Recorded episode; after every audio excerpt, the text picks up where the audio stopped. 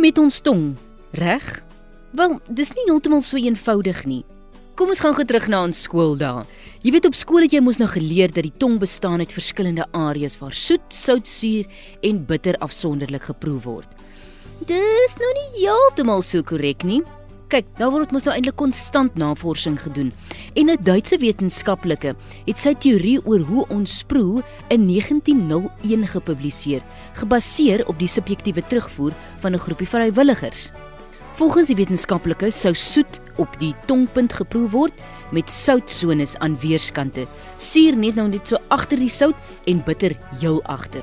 Die westerse wêreld het hierdie teorie byna 100 jaar lank vir soetkoeke opgeëet. Eers met die ontdekking van smaakreseptore in 1974 is die tongkaart deur die historiese snippermasjien gedruk.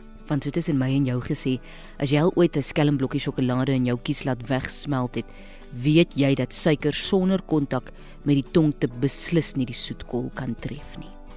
Daar is nou intussen 'n vyfde smaaksintuig bygevoeg Al weet mens nie presies hoe om dit te omskryf nie. Dis so 'n ryk souterige geur met 'n volronde nasmaak. Maar die wêreld se koskenners oorweeg tans 'n sesde smaakreseptor vir vet en sommige beweer dat seprigheid en die smaak van metaal ook apart geklassifiseer moet word.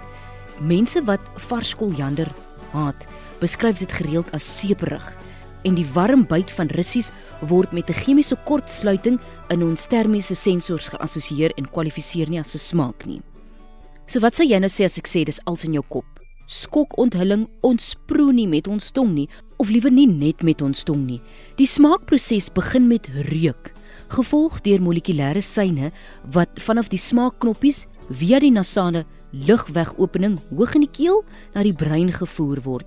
Smaaksyne word deur spesifieke areas in die brein geïdentifiseer wat vir daardie aha, dit smaak so oomblik sorg. Kom ons doen gou 'n eenvoudige toets. Plaas 'n knippie suiker of kom ons dink gaan iets bitterig, bavrol. Enige plek op jou tong. Nou, moenie asemhaal nie en druk nou net die nasale lugweë bo in jou keel toe.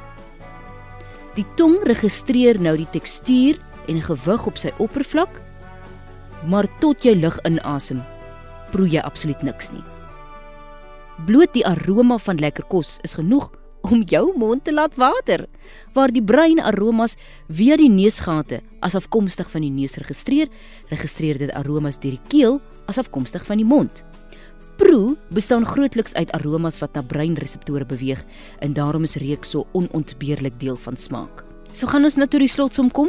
Soet goed help jou glo om 'n maaltyd te onthou. Dit is hoekom ons 'n ete met nagereg afsluit. Het jy ook geweet dat soet goed verminder die pynsensasie? En indien jy raserige eetplekke vermy om jou ore te spaar, neem kennis. Dis dalk omdat jy jou kos ordentlik wil proe. Gehoor speel 'n groot rol in smaak. Hoe meer geraas, hoe minder kan jy proe. So ek daag jou uit so aan die begin van die week. Gaan kry tog jou gunsteling dis of beselhappie en sê net, "Mmm, dit smaak soos nog."